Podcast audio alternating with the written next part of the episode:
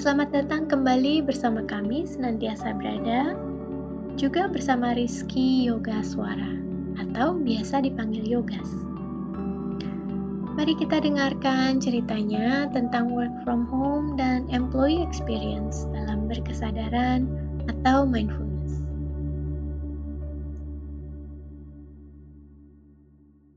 Dilihat dari pemahamannya nih, Yoga tolong dikoreksi. Jadi kan Hmm.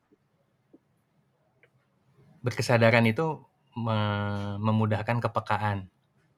Kepekaan ada yang nggak beres, ada yang nggak lengkap, ada yang hilang, ada yang kurang, ada sesuatu begitu. Dan hmm, tadi Yogas kalau nggak salah bilang kan sudah duduk diam ya, sudah silent sitting, sudah duduk hening. Hmm, justru mungkin berkesadarannya jadi lebih lebar karena duduk hening menurut hipotesa kami tetap perlu apa pun kondisinya. Tetapi kepekaan itu akan mengajak coba dilihat pintu-pintu yang lain.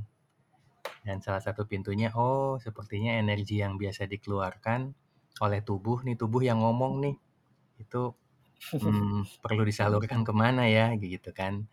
Jadi menarik kalau saya belajar bahwa tubuh itu cenderung jujur, tidak sebagaimana pikiran. Dan kepekaan itu akan membawa kita ke banyak pintu, salah satunya coba aja olahraga. Kayaknya gitu sih. Iya, dan kalau buat saya ini juga jadi uh, salah satu masukan juga bahwa eh ternyata berkesadaran itu nggak cuma duduk diam, nggak cuma silent sitting gitu.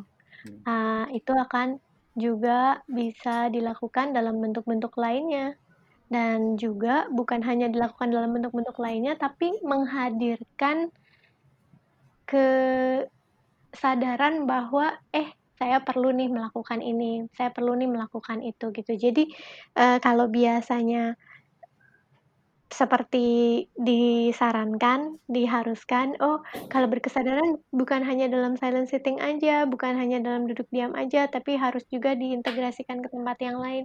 Kalau dalam uh, cerita ini, jadi uh, kegiatan yang lainnya justru hadir karena berkesadaran juga, jadi tidak tidak menjadi dua hal yang terpisah gitu. Kalau punya cerita-cerita lain, karena itu menarik banget, uh, artinya Oh, oke.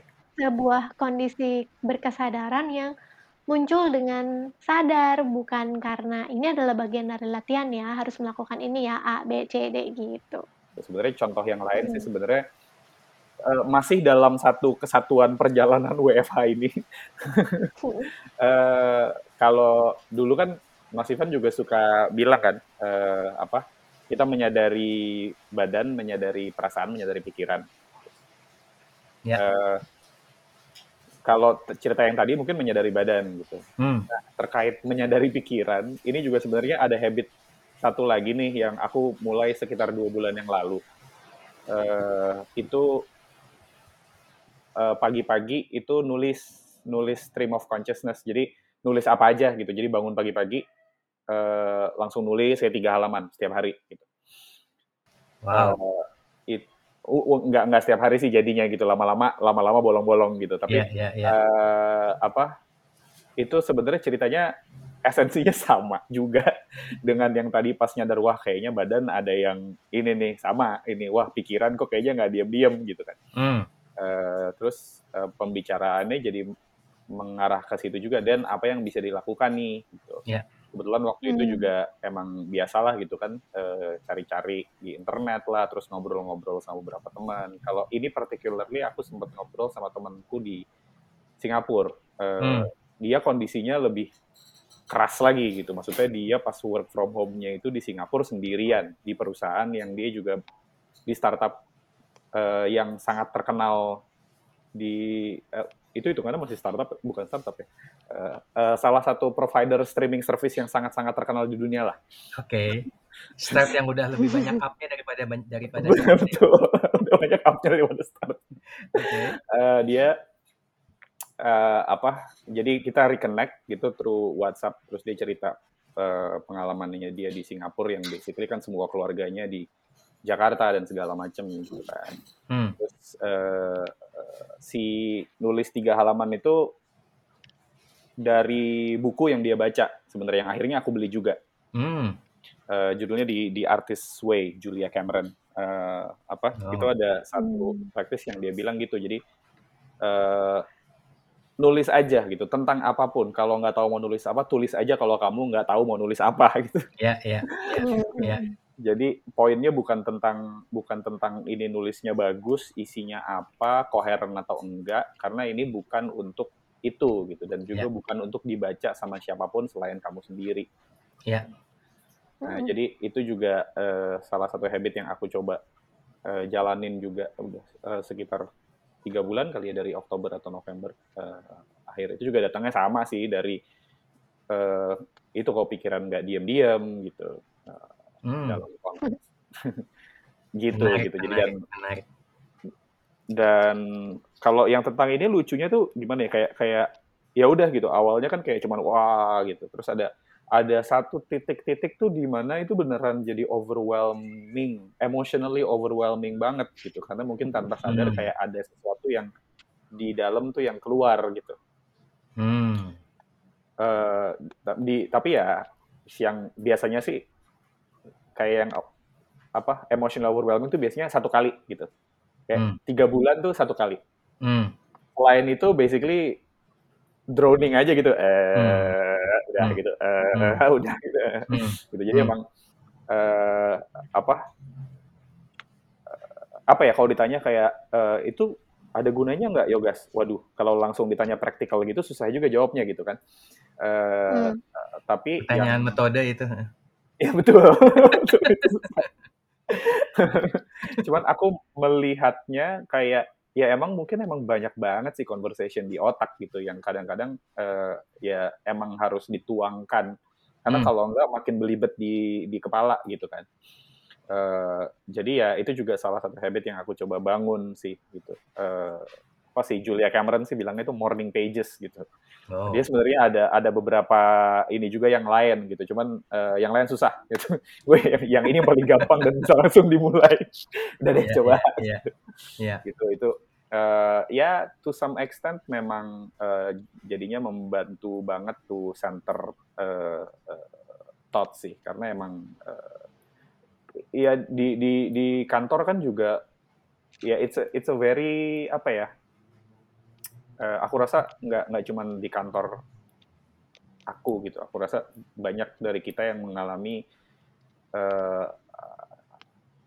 overwhelm lah gitu overwhelm yeah, karena yeah karena yeah. emang emang kadang-kadang orang tuh ya menurut aku yang kayak aku tulis di itu kan kayak lupa bahwa yang kita alami itu sebenarnya benar-benar unprecedented hmm. banget hmm. gitu hmm. dan dan dan ya very little of us come prepared gitu. hmm. Uh, hmm. Uh, cuman kan di zaman kayak sekarang gitu yang yang productivity hack lah uh, segala macam itu kan Hmm. Ya maksudnya ya ya benar sih mungkin memang ada orang-orang dan dan dan uh, bagus juga gitu kan kayak mencoba hobi baru gitu, bikin sourdough lah, bikin apa, bikin apa segala macam. Uh, tapi menurut aku ya conversationnya nggak jangan cuman yang di si sourdough dan si ini gitu segala macam. Conversation yang spektrum satu lagi juga harus kita address gitu. Hmm, hmm karena kalau enggak kan ya uh, kita nggak tahu ada berapa banyak uh, ya kita tahu lah gitu social media paint a glossy picture of life gitu kan dan di kita nggak tahu ada berapa banyak orang yang in an unprepared mental state ketemu dengan segala macam barrages of this glossy uh, picturesque life itu implikasinya gimana kan gimana ya gitu jadi menurut yeah, aku yeah. Emang, emang perlu di apa perlu diangkat. Dan nggak cuma diangkat tapi juga mungkin apa sih yang bisa dimulai untuk uh, mengadres ini bite size gitu. Yang bisa seorang individu uh, yang begini-begini doang kayak saya gitu bisa lakukan gitu. Jadi nggak begini begini jadi keluarnya ya kayak tadi gitu bahwa oh uh, jadinya mungkin memang klise sih kayak olahraga silent sitting, banyak nulis, journaling gitu kan jadi klise gitu kan. Iya iya iya. iya. Dan iya. uh, apa? Jadi mungkin perlu di, di, digalinya lebih ke satu step sebelumnya gitu. Sebelum keluar dengan olahraga, sebelum keluar dengan journaling, sebelum keluar dengan silent sitting, sebenarnya yang penting kan adalah pertanyaan sebelum itu gitu. Hmm, hmm, pertanyaan hmm, sebelum itu hmm. yang akhirnya keluarnya oh mungkin exercise can help. Oh hmm, mungkin journaling can help. Oh mungkin silent sitting can help gitu. Jadi the broader conversation of bagaimana this unprecedented context itu impacts ke our psyche itu mungkin yang apa uh, apa berguna dan perlu banget untuk di, di, di, dibahas gitu. Iya, iya, iya. Menarik nih Siska. Coba iya. kita uh, ya. tadi banyak banget tuh isinya daging semua kan gitu istilahnya ya. Uh, ya tadi dengerin uh, yogas apa uh, yang melakukan exercise yang morning pages tadi itu ya hmm. uh, di salah satu teknik kalau boleh disebut teknik hmm. Dalam silent sitting adalah uh, yang disebut sebagai noting. Jadi mencatat hmm. apa pun yang muncul dalam kesadaran pada suatu waktu, termasuk pikiran. Jadi uh, biasanya kan kalau masih di awal-awal biasanya kita masih mengamati nafas tuh gitu, tapi setelah beberapa waktu, ada yang beberapa waktunya adalah satu menit, ada yang setelah lima menit gitu, uh, mulai banyak pikiran yang muncul, nah itu dicatat aja, oh ada pikiran, ada perasaan, ada pikiran ada pikiran pikiran pikiran pikiran pikiran gitu kan.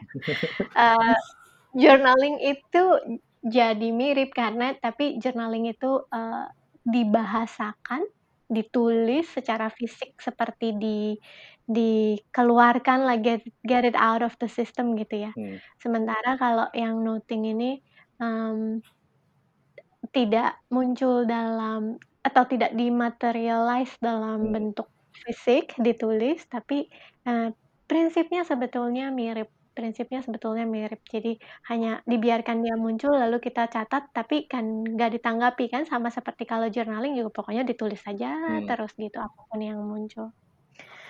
Ya, dan Jadi uh, uh akhirnya memang bagaimana kita berlatih mengalami ya. Kalau dari hmm. journaling tadi kan mungkin ada rasa kok tulisan gue jadi kayak gini, kok kalimat satu, kalimat dua nggak ada hubungannya. Tapi kan mungkin buku itu sudah mengingatkan nggak usah.